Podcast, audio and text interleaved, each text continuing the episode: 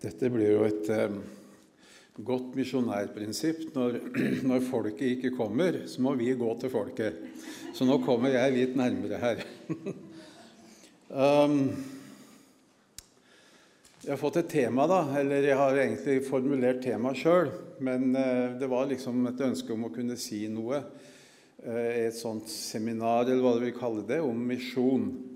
Og så har jeg kalt det for um, 'Kallet vi fikk'. Og da kan det jo undres hva har vi ment med det? Kallet vi fikk. Det er jo mange ting en kunne snakke om. En kunne jo nevne å gå igjennom igjen eh, historien til eh, Misjonssambandet, som, som, jeg har eh, hørt hjemme i hele livet. Det tror jeg ikke blir så veldig interessant. Det får dere lese en annen plass hvis dere synes dere ikke er oppdatert på det.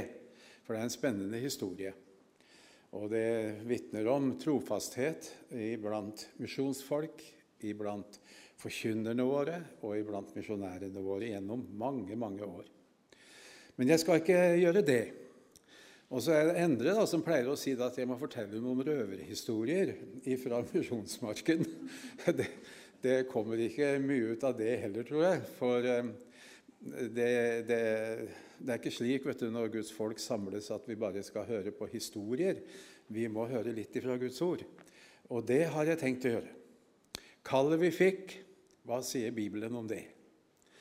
Og det, det skal vi eh, lese om.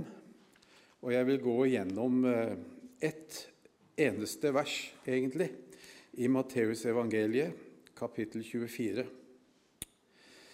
Um, og så, uh, når jeg har uh, lest det verset Jeg tenkte jeg kunne lese litt mer da, fra begynnelsen av kapitlet. Um, vi hører jo om det at um, Jesus han forlot tempelet, står det der i vers 1, og gikk ut. Da kom disiplene hans for å vise ham tempelbygningene. Men eh, han svarte og sa til dem, ser dere eh, ikke alt dette? Sannelig sier jeg dere, her skal det ikke bli sten tilbake på sten som ikke skal brytes ned. Da han satt på Oljeberget, og disiplene var alene med ham, kom de til ham og spurte.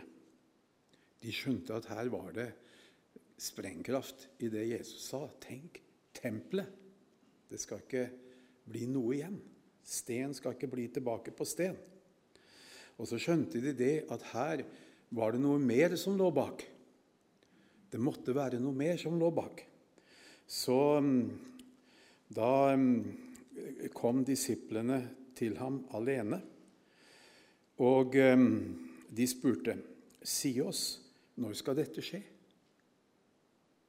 Og så skjønte de at skulle tempelet brytes ned, så måtte det ha noe med en guddommelig uh, aksjon for å få det til. Det var et bygg som ikke så enkelt lot seg, uh, lot seg falle ned, slik at det ikke var sten tilbake på sten.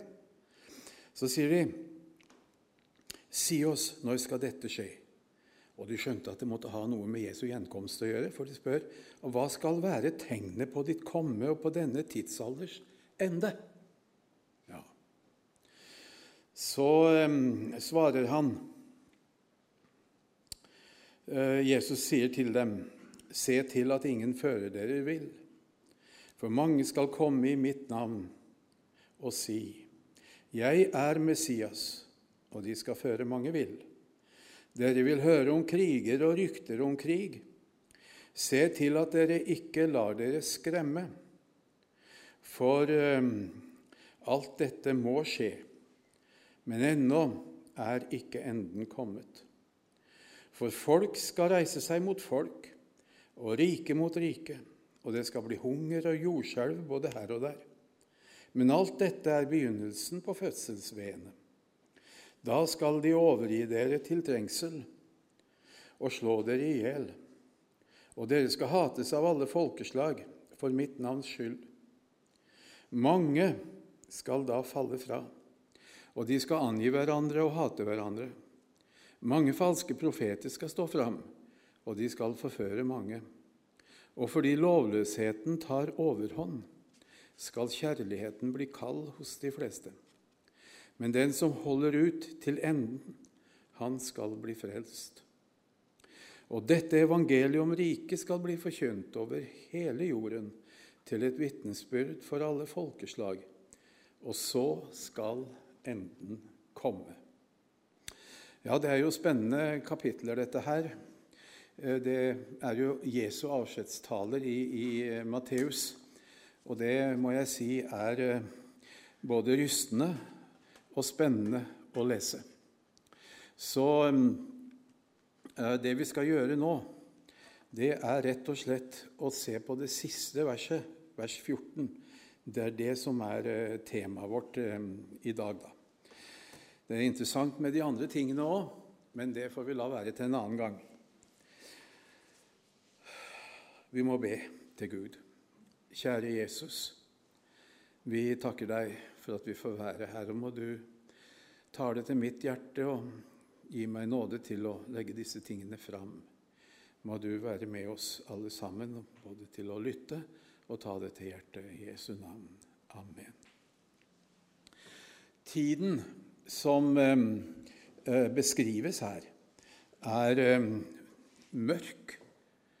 Den er merket av trengsler i form av naturkatastrofer. Vi hører om krig, vi hører om forfølgelse, og vi hører om lovløshet. Sånn skal tiden være når den tid kommer som Jesus snakker om her. Åndelig og teologisk så er det en forvirrende og forførende tid. Allikevel er det et markant trekk i bildet at evangeliet, det skal forkynnes vidt og bredt. De første tingene som jeg nevnte, og som vi leste, det skal jeg ikke si noe mer om, rett og slett. Fordi det er ikke tema her nå. Men jeg skal si litt om det vers 14 som handler om evangeliets utbredelse utover jord. Og som vi får være med på også i vår bevegelse. Det blir av og til sagt at evangeliet henimot slutten skal gå sin seiersgang over jord. Det er vel ikke uten videre mulig å se det i Bibelen. Å lese det ut fra endetidsavsnittene i Bibelen, det er det ikke. Det er en annen tid som tegnes for oss, med forfølgelser, som vi leste om, og med hat og krig. Og eh, det er ikke mye seier vi hører om. Det er vanskelig å se at verden på en måte skal bli mer kristen henimot slutten. Det er vanskelig å se finner ikke det i denne boken. Det sies derimot at forkynnelsen av evangeliet om riket utover den ganske jord skal være et markant trekk. Før Jesus kommer igjen, skal dette evangelium være forkynt som et vitnesbyrd for alle folkeslag. Hvis vi ikke holder fast på det, så sier vi samtidig da lyver Bibelen, for det står. Og Da er det som hun, eh, kona oppe i Soknedalen, eller hvor det var oppe i Trøndelag, var på møte der, så hadde vitnemøte, og så sa hun Det står i Bibelen, og da er det sant. Ja, sånn er det. Det står i Bibelen, og da er det sant. Noen eh, det er jo slik at før dette verset er oppfylt, så kommer ikke Jesus igjen.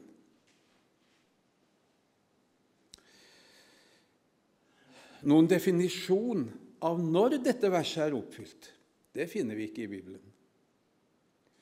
Det er bare Gud som vet det. Det har han holdt tett i sin egen tanke. Av oss kreves det troskap mot det som er Guds vilje. For Jesus kommer ikke igjen før det er oppfylt, som Matteus 24, 14 sier om misjon. nemlig at evangeliet om riket skal bli forkynt over hele jorden til et vitnesbyrd for alle folkeslag. Men som sagt, hva betyr nå det? Og de lærde strides jo. Er det sånn at hvert eneste menneske som lever på den tiden Jesus kommer igjen, skal ha hørt evangeliet forkynt? Tales det om folkeslag som skal høre evangeliet? Og at det liksom er slik at alle folkeslag har fått høre det? Ikke nødvendigvis hver enkelt person. Dette har vi ikke noe svar på. Bibelen gir ikke noe svar. Og jeg tror det er i Guds pedagogikk å ikke gi svar på det.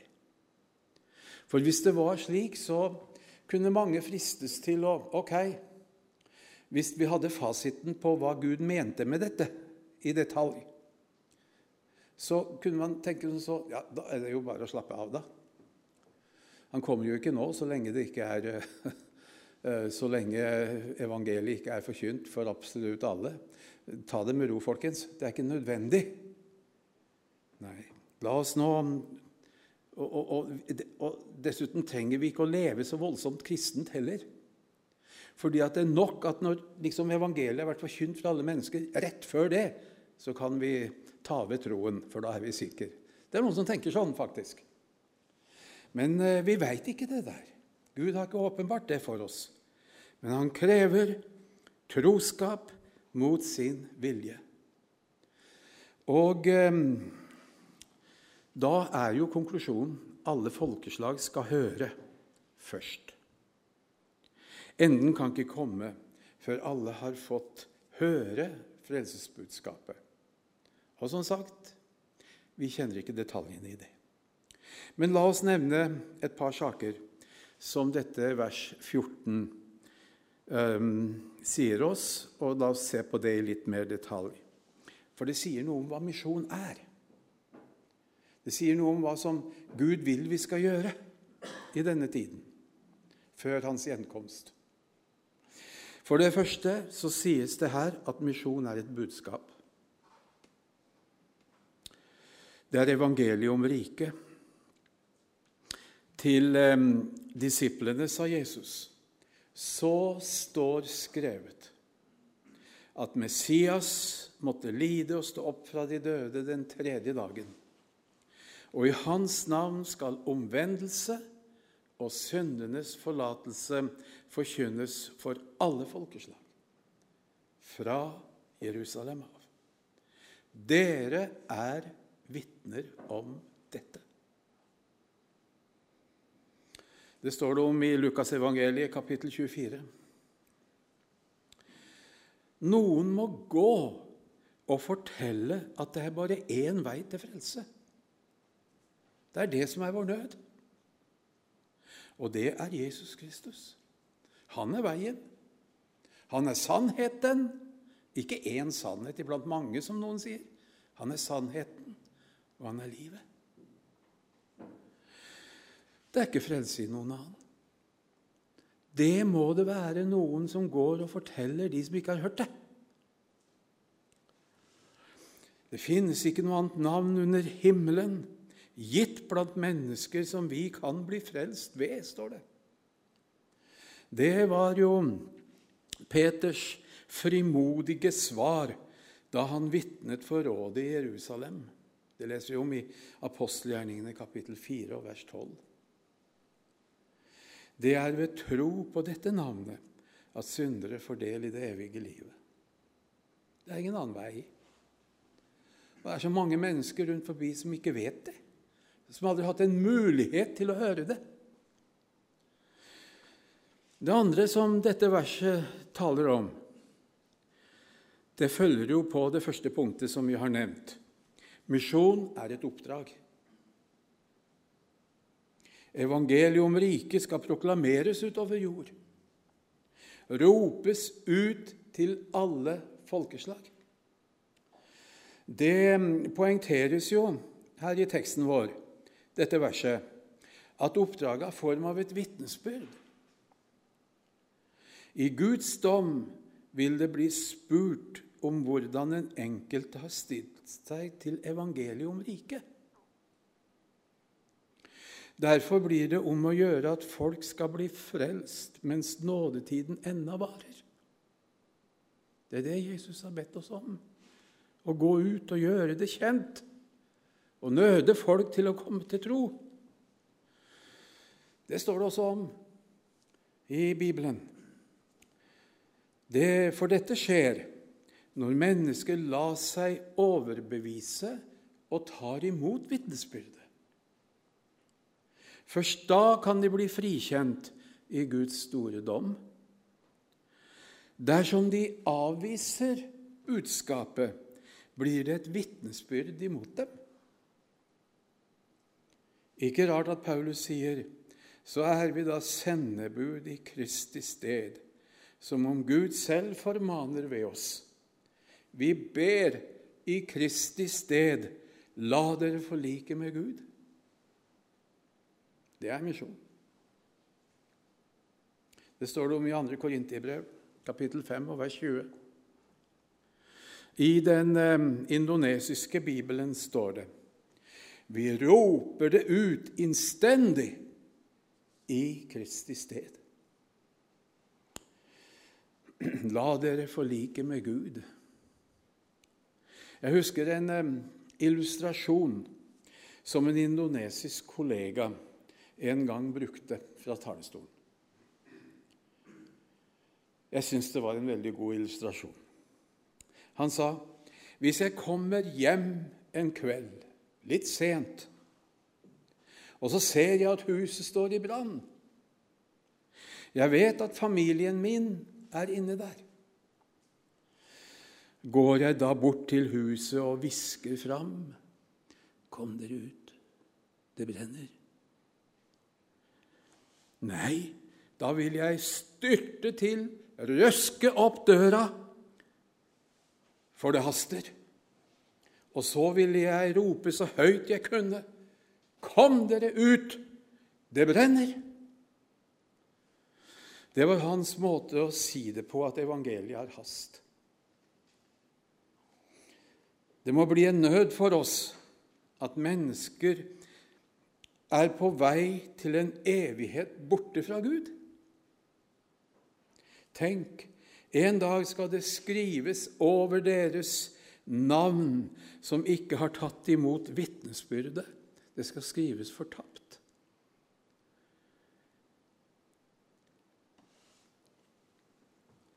Til dem skal Jesus si, Gå bort fra meg, dere som er forbannet, til den evige ild, som er beredt for djevelen og englene hans.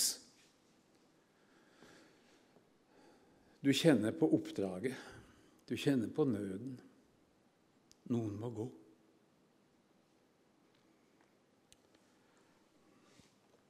Det tredje dette verset sier noe om, det er at misjon har en adresse. Alle folkeslag, står det.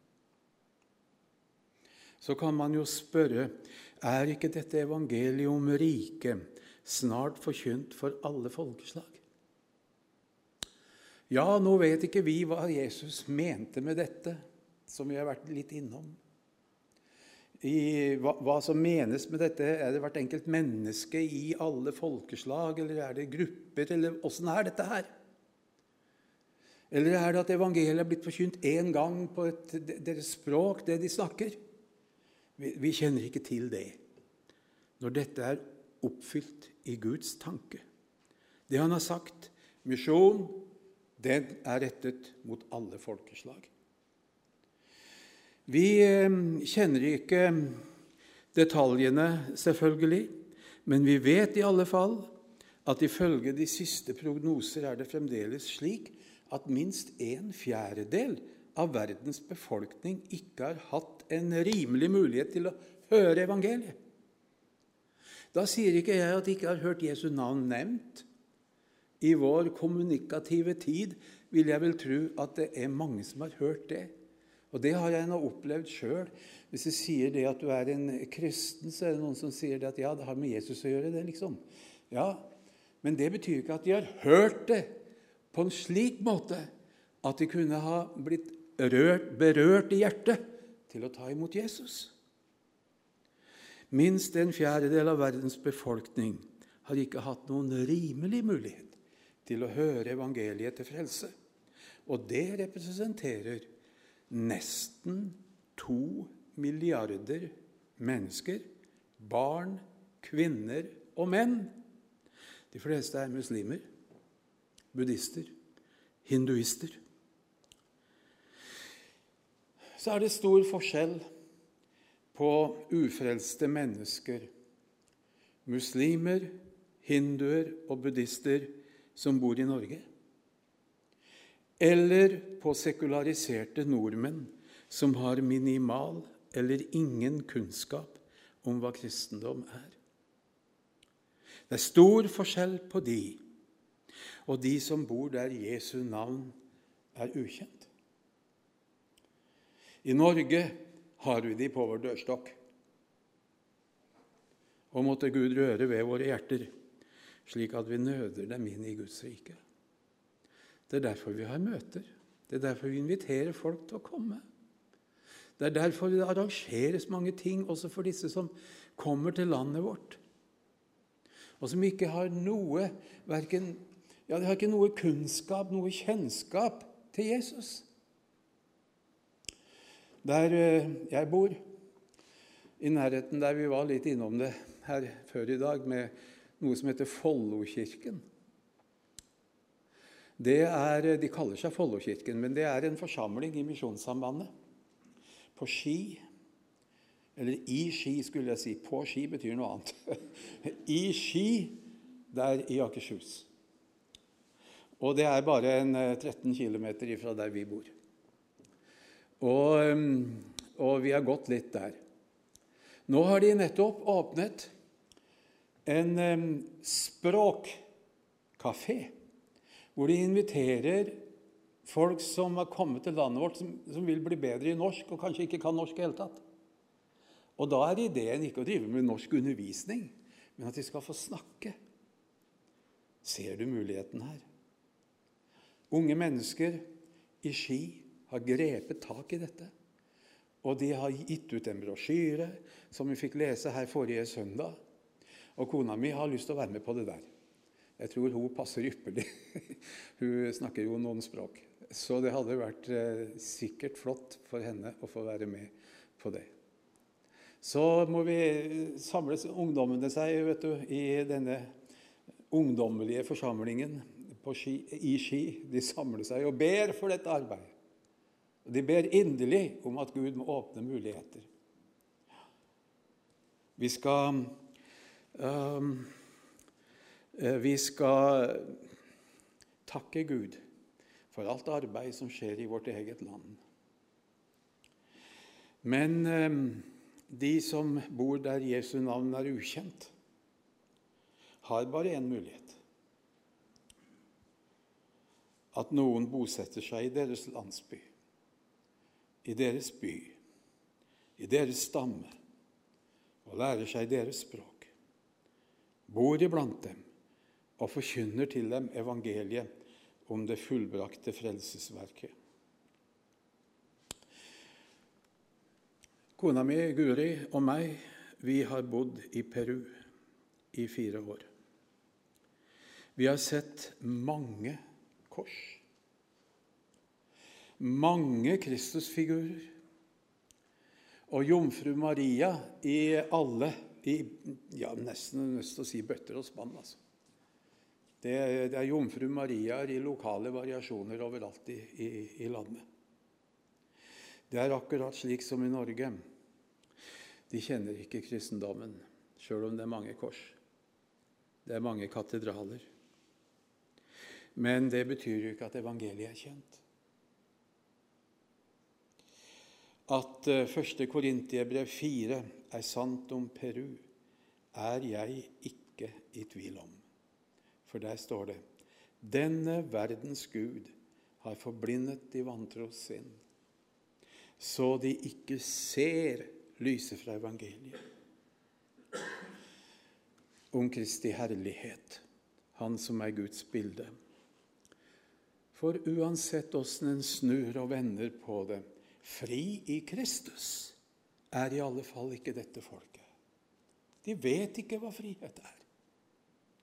Frihet i Kristus er ukjent for dem. De kjenner ikke Jesus som den han er. For lyset fra evangeliet kjenner de ikke, midt oppi alle religiøse forestillinger. Nominelt er de katolikker, omtrent alle sammen.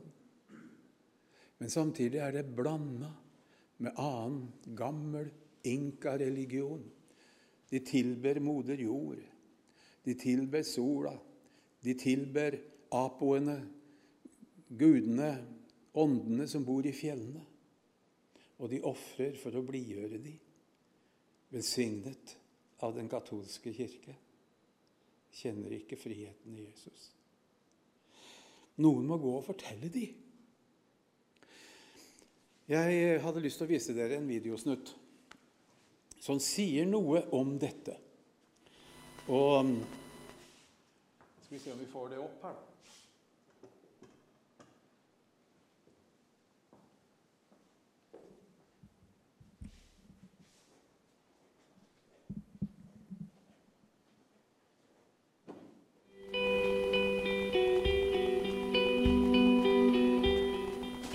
I Sør-Amerika driver NLM arbeid i Peru og Bolivia.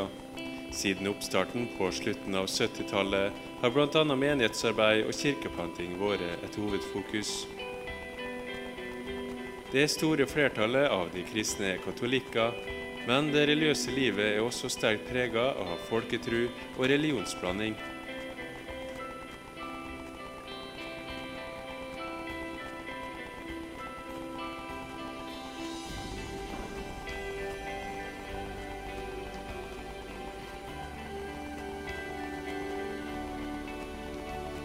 Dette er den evangelisk-lutherske kirka i Holiaca i Peru. I dag er det nattverdsgudstjeneste, og da bruker oppmøtet å være godt.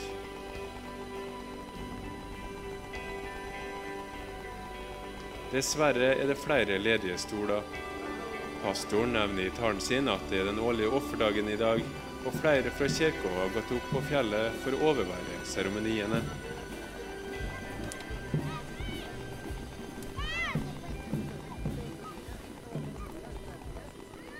I dag er vi på Gjestatuen i Holjaka. Det er ca. 5000 mann her, eh, kanskje enda mer. De er her oppe i dag for å be om velsignelse hos, hos Gud. De ber om at eh, Gud vil velsigne dem i det året som kommer.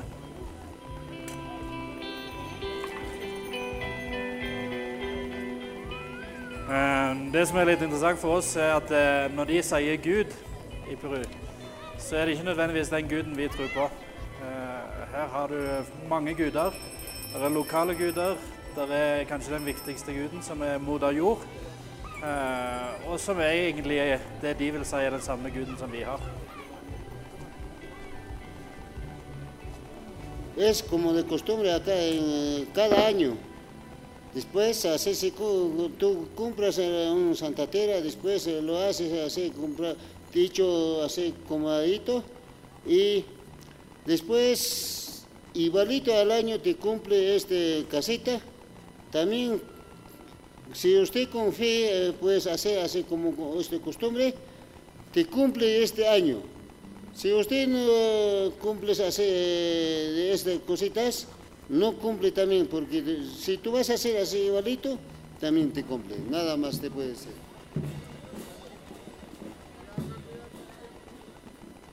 I dag kommer det folk eh, fra mange plasser. Det kommer folk her fra Bolivia som kommer hit til Holiaca i dag. Eh, folk som bor her. Eh, mye folk som bor på fjellet. De er litt fattige.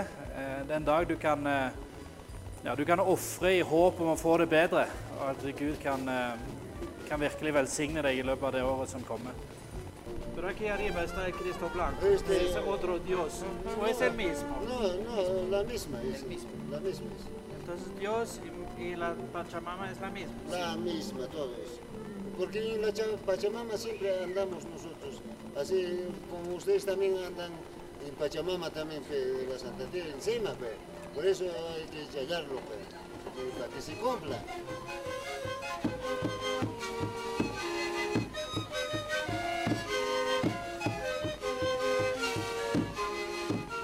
NLM ser at det fortsatt er nødvendig å være til stede i Bolivia og Peru pga. folks synkretisme. Gjennom arbeidet som de nasjonale kirkene driver, kommer utsendingene våre i kontakt med mange mennesker som ikke har fått høre om Jesus som verdens frelser og den eneste guden de trenger.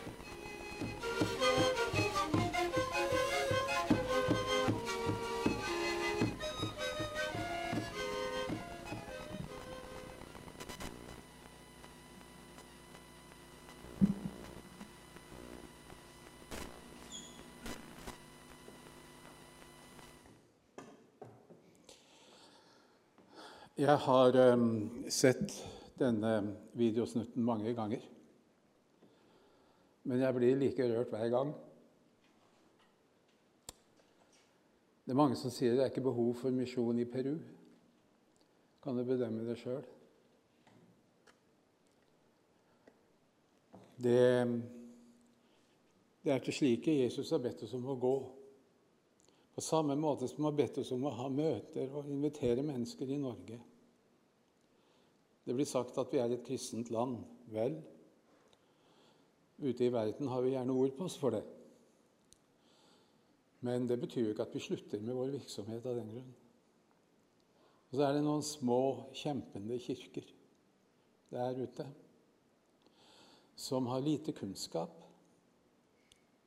de er tatt ut av hedenskapet, ut fra katolisismen og inn i den lutherske kirke og i andre evangeliske kirker som er der. De trenger vår støtte, de trenger vår hjelp. De trenger den, den kunnskap som vi kanskje har som, eh, som uh, utsendinger fra Norge, med uh, utdannelse, kanskje litt skikkelig utdannelse. Eh, som de ikke har. Vi fikk være der. Jeg var der i fire-fem år. Hvis du tar med litt språkstudium, så blir det fire og et halvt ca. Og fikk lov til å være med og forberede peruanere og bolivianere og ekvatorianere til å forkynne evangeliet i sitt folk. Det var den oppgaven som var vår primære oppgave også i Indonesia. Og jeg er veldig takknemlig for at vi fikk det kallet, og at misjonsfolket ville sende oss ut. Det ga oss et meningsfullt liv. Samtidig så,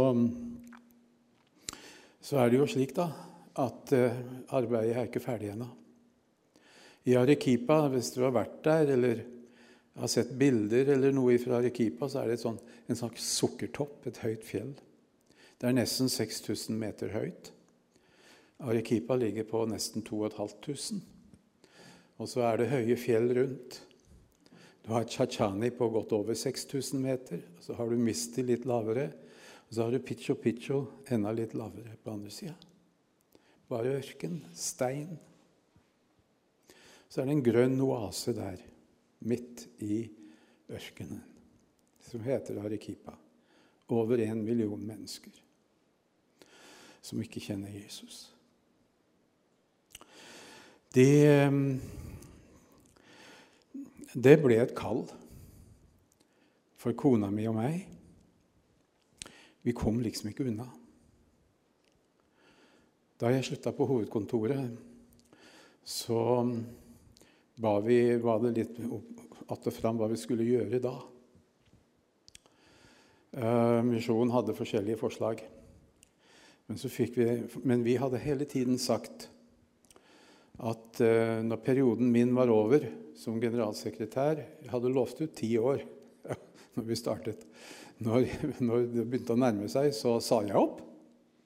Og så sa jeg vi ønsker å avslutte der vi begynte og det var som misjonærer. Og det var forskjellige forslag hvor vi skulle reise, hvor det var et behov. da. Men eh, så kom de fra Peru, og da sa vi ja. Så dro vi dit. Det har vi ikke angra på. Det, mm, det ble slik at vi måtte si til Gud Se, her er vi. Send oss, hvis det kan være til noe nytte. Send oss så fikk vi altså noen fenomenale år i Peru som Guds og misjonsfolkets utsendinger. Um, kjære venner, la oss minne hverandre på at vi er frelst av nåde. Da er øynene våre forandret, sier Bibelen. Paulus han sier det slik fra nå av, altså da alt var blitt nytt Fra nå av kjenner vi ikke noen etter kjødet. Han minner korinterne om det i 2. Korinterbrev kapittel 5 og vers 16 og 17. Vi kjenner ikke menneskene bare som individer som vi daglig ser. Det blir noe mer enn folk som bare haster forbi. Det blir alvorlig at de en dag skal stå til rette for Gud med sine liv. Og så kjenner de ikke Frelseren. Men Jesus døde for dem. De var inkludert i frelsesverket, de også. Er det rett med oss, så eier vi trangen til å vitne om Jesus til mennesker som ikke kjenner ham. Hjemme og ute. Jeg er ikke noe flink til det. Men jeg ser at slik taler Bibelen. Og må be om tilgivelse mange ganger for anledningene som gikk meg forbi. Og så må jeg få lov til å nevne Jeg husker ei jente i Singapore. Vi var der, og vi i seks år. Jeg møtte henne i heisen på immigrasjonsdepartementet i Singapore. Vi drev og styrte med å få visum. Og dette, De hadde kontor i åttende etasje i ei høyblokk. Og jeg gikk inn i heisen i første etasje, og sammen med meg var det ei ung jente som gikk inn i heisen. Jeg kjente ikke henne. Um, hun skulle øyensynlig ut i etasjen under, der jeg skulle av. Og så, med samme hun smetter ut av døra, så sier hun Jesus loves you. Jesus elsker deg, betyr det. Og så forsvant hun. Aldri sett henne etterpå. Jeg tenkte som så at her var det et menneske, et ungt menneske som brant for å få lov til å vitne. Og hun måtte få vitne for disse gærne uh, europeerne og de gringoene vet du, som har ikke noe særlig rykte på oss rundt omkring i verden sånn sett. Iallfall ikke i de store byer. Og hun visste jo ikke det at jeg var misjonær. Ikke i hele tatt. Jesus loves you. Jesus elsker deg. Det var vel jeg som da var grepet av evangeliet. Og så svikta motet, men hun fikk nå sagt det før hun smatt ut. Ja. Så kan vi sakten spørre. Vi må ta med oss det òg. Um, Ut ifra det vi har sett nå, så må vi spørre hvor lenge skal vi drive misjon? Ut ifra det som vi har sett, da, skal denne tjenesten vare ved inntil verdens ende, som det litt unøyaktig står i våre oversettelser. I alle fall kan uttrykket 'verdens ende' lett misforstås. Egentlig står det 'denne tidsalders ende'. På gresk står det 'denne eons ende' ende. Og vi som er litt gamle, vet hva en eon er for noe. Denne tidsalders ende. Dermed er det sagt noe om hvor lenge denne tjenesten, misjonstjeneste, skal vare. Det sies for det første at misjon ikke skal ta pause så lenge vi taler om denne tidsalder. Gjør vi det, lever vi i opposisjon til Guds uttrykte vilje. Dersom vi som enkeltkristne, som forsamling, som kristent fellesskap slutter å ha fokus på misjon like til jordens ende? Eller har det bare som et lite vedheng? Fungerer ikke livet slik Jesus ville det skulle fungere? Vi blir fattige kristne. Dette talte Jesus med disiplene om mange ganger. I apostelgjerningene 1 forteller han oss at dette var det siste han minte om før han ble tatt opp til himmelen. Han sa, litt forklarende fra, fra min side, for å sette det inn i sammenhengen. Han sa omtrent slik. Det oppdraget som jeg har snakket med dere om Han snakket med dem om mange ganger og som skal være deres og menighetens fremste oppgave inntil jeg kommer tilbake, er at i Den hellige ånds kraft skal dere være mine vitner, både i Jerusalem, i hele Judea og Samaria og like til jordens ende. Her er det ikke snakk om et enten-eller. Vi, vi, vil så gjerne nå mennesker der vi er. Og godt er det. Det er jo helt naturlig, fordi Jesus har sagt det. De fleste av Jesu nærmeste venner de var fattige mennesker fra Galilea. Men nå var de i Jerusalem. Vårt Jerusalem er der vi er. Det spiller ingen rolle hvor vi er født og oppvokst. Spørsmålet er hvor bor vi nå? Der har Jesus satt deg og meg til å være vitne. Må Gud velsigne alt sant arbeid for evangeliet, for å utbre Guds rike i Norge. Men han sa både Jerusalem og like til jordens ende, ikke et enten-eller. Det var elleve fattige disipler han talte til. Som i Matteus og Markus og Lukas og, og, og Juan, er det for? Johannes talte han til dem som gruppe. Som gruppe. Budskapet gjaldt alle. Alle skal være med og bære det ut like til jordens ende. Han fordelte ikke noen oppgave. Du, Peter, du, Paulus, Paulus var ikke med på det tidspunkt, men de andre sånn. Nei.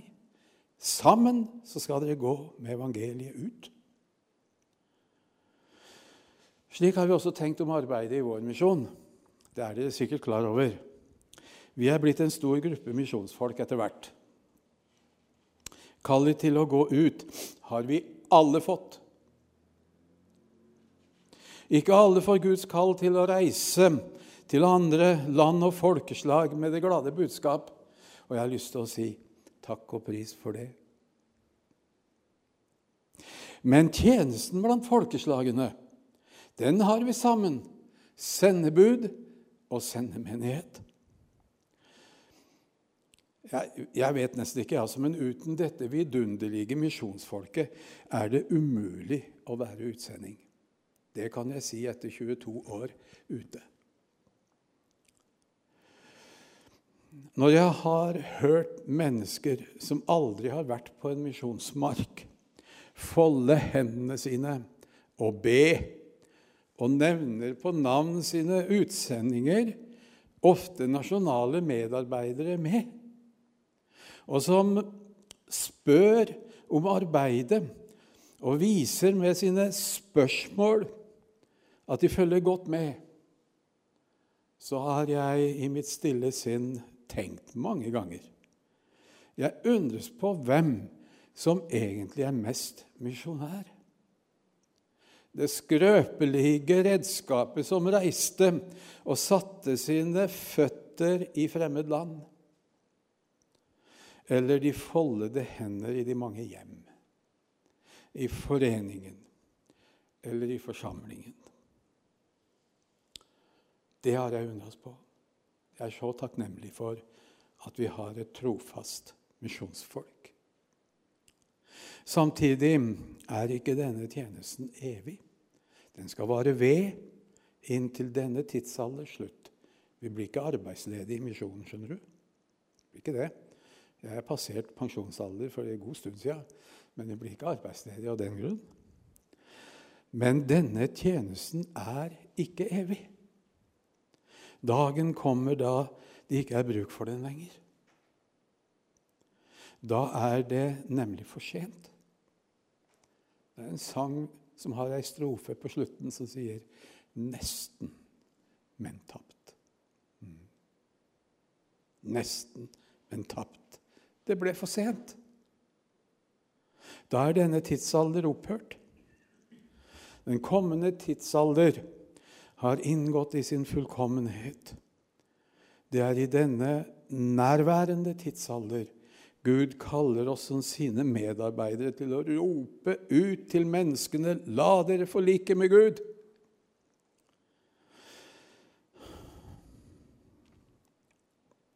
Nå må jeg slutte, altså. Det er altså til frelste syndere Jesus har gitt dette kallet. Det kallet vi også har fått. Det var til sine troende han ga forlikelsens tjeneste, sier Bibelen. De som hadde erfart at alt var blitt nytt. Han la ned i oss ordet om forlikelsen. Mange mennesker kan gjøre mye godt i denne verden. Men ord om forlikelsen har Gud gitt til sitt folk. Det er om dem Paulus sier, så er vi da sendebud i Kristi sted. Som om Gud selv formaner vi oss. Vi ber i Kristi sted. La dere forlike med Gud. Det er som han sier, nå er frelsesverket fullført. Nå er det deres oppgave, mine venner, å gå ut i verden og gjøre alle folkeslag til mine disipler. Da han ennå var sammen med disiplene, sa han til dem, 'Jeg skal forlate dere snart', sa han. 'Jeg skal forlate dere snart'. Nå skal dere være mine føtter som går ut i verden. Nå skal dere være min munn som skal bære frelsesbudskapet videre ut. Jeg kaller dere til å være mine vitner. Ved Guds nåde kom evangeliet til oss i Norge også. Nå må det ikke stoppe med oss, da, med vår generasjon. La oss fullføre kallet Herren ga. La oss være med på det som Jesus sa skal prege hans folk i tiden før han kommer igjen. Men dere skal få kraft idet Den hellige ånd kommer over dere. Og dere skal være mine vitner, både i Jerusalem og i hele Judea og Samaria og like til jordens ende. Så står det da han hadde sagt dette, ble han løftet opp mens de så på. Og en sky tok, bort, tok ham bort fra deres øyne. Det som skjer etterpå der, det hopper vi gjerne over. Men det sier noe om oppgaven som de var kalt inn i. Der i apostelgjerningen kapittel 1 vers 10 så, så står det Mens de sto der og stirret opp mot himmelen idet han eh, for bort, se, da sto to menn i hvite klær hos dem, og de sa, Galileiske menn, Hvorfor står dere her og ser opp mot himmelen? Denne Jesus som er tatt bort fra dere til himmelen, skal komme igjen på samme måten som dere så ham fare ned, fare opp til himmelen. Det er som om de vil minne disiplene om oppgaven som venter. Løftet er klart. En dag skal han sette sluttstrek. Han skal komme igjen Det er en dag som Gud har bestemt i sin visdom, som vi ikke kjenner.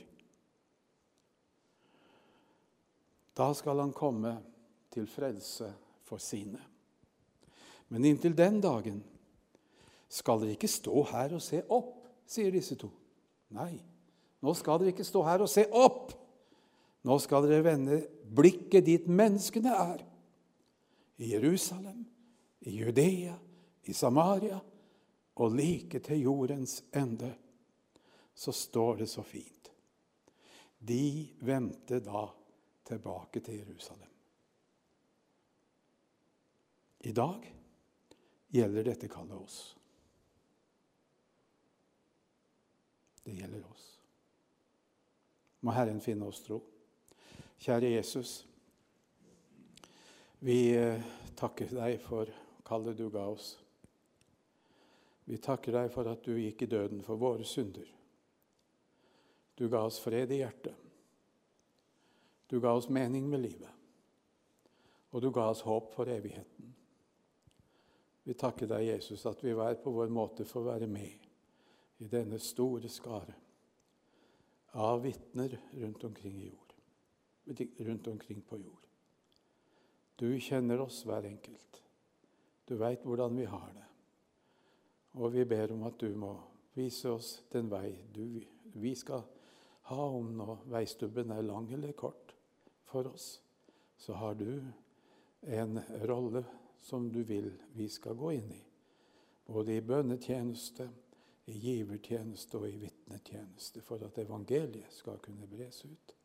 Må du være med oss, du Jesus. Det ber vi om i ditt navn. Amen.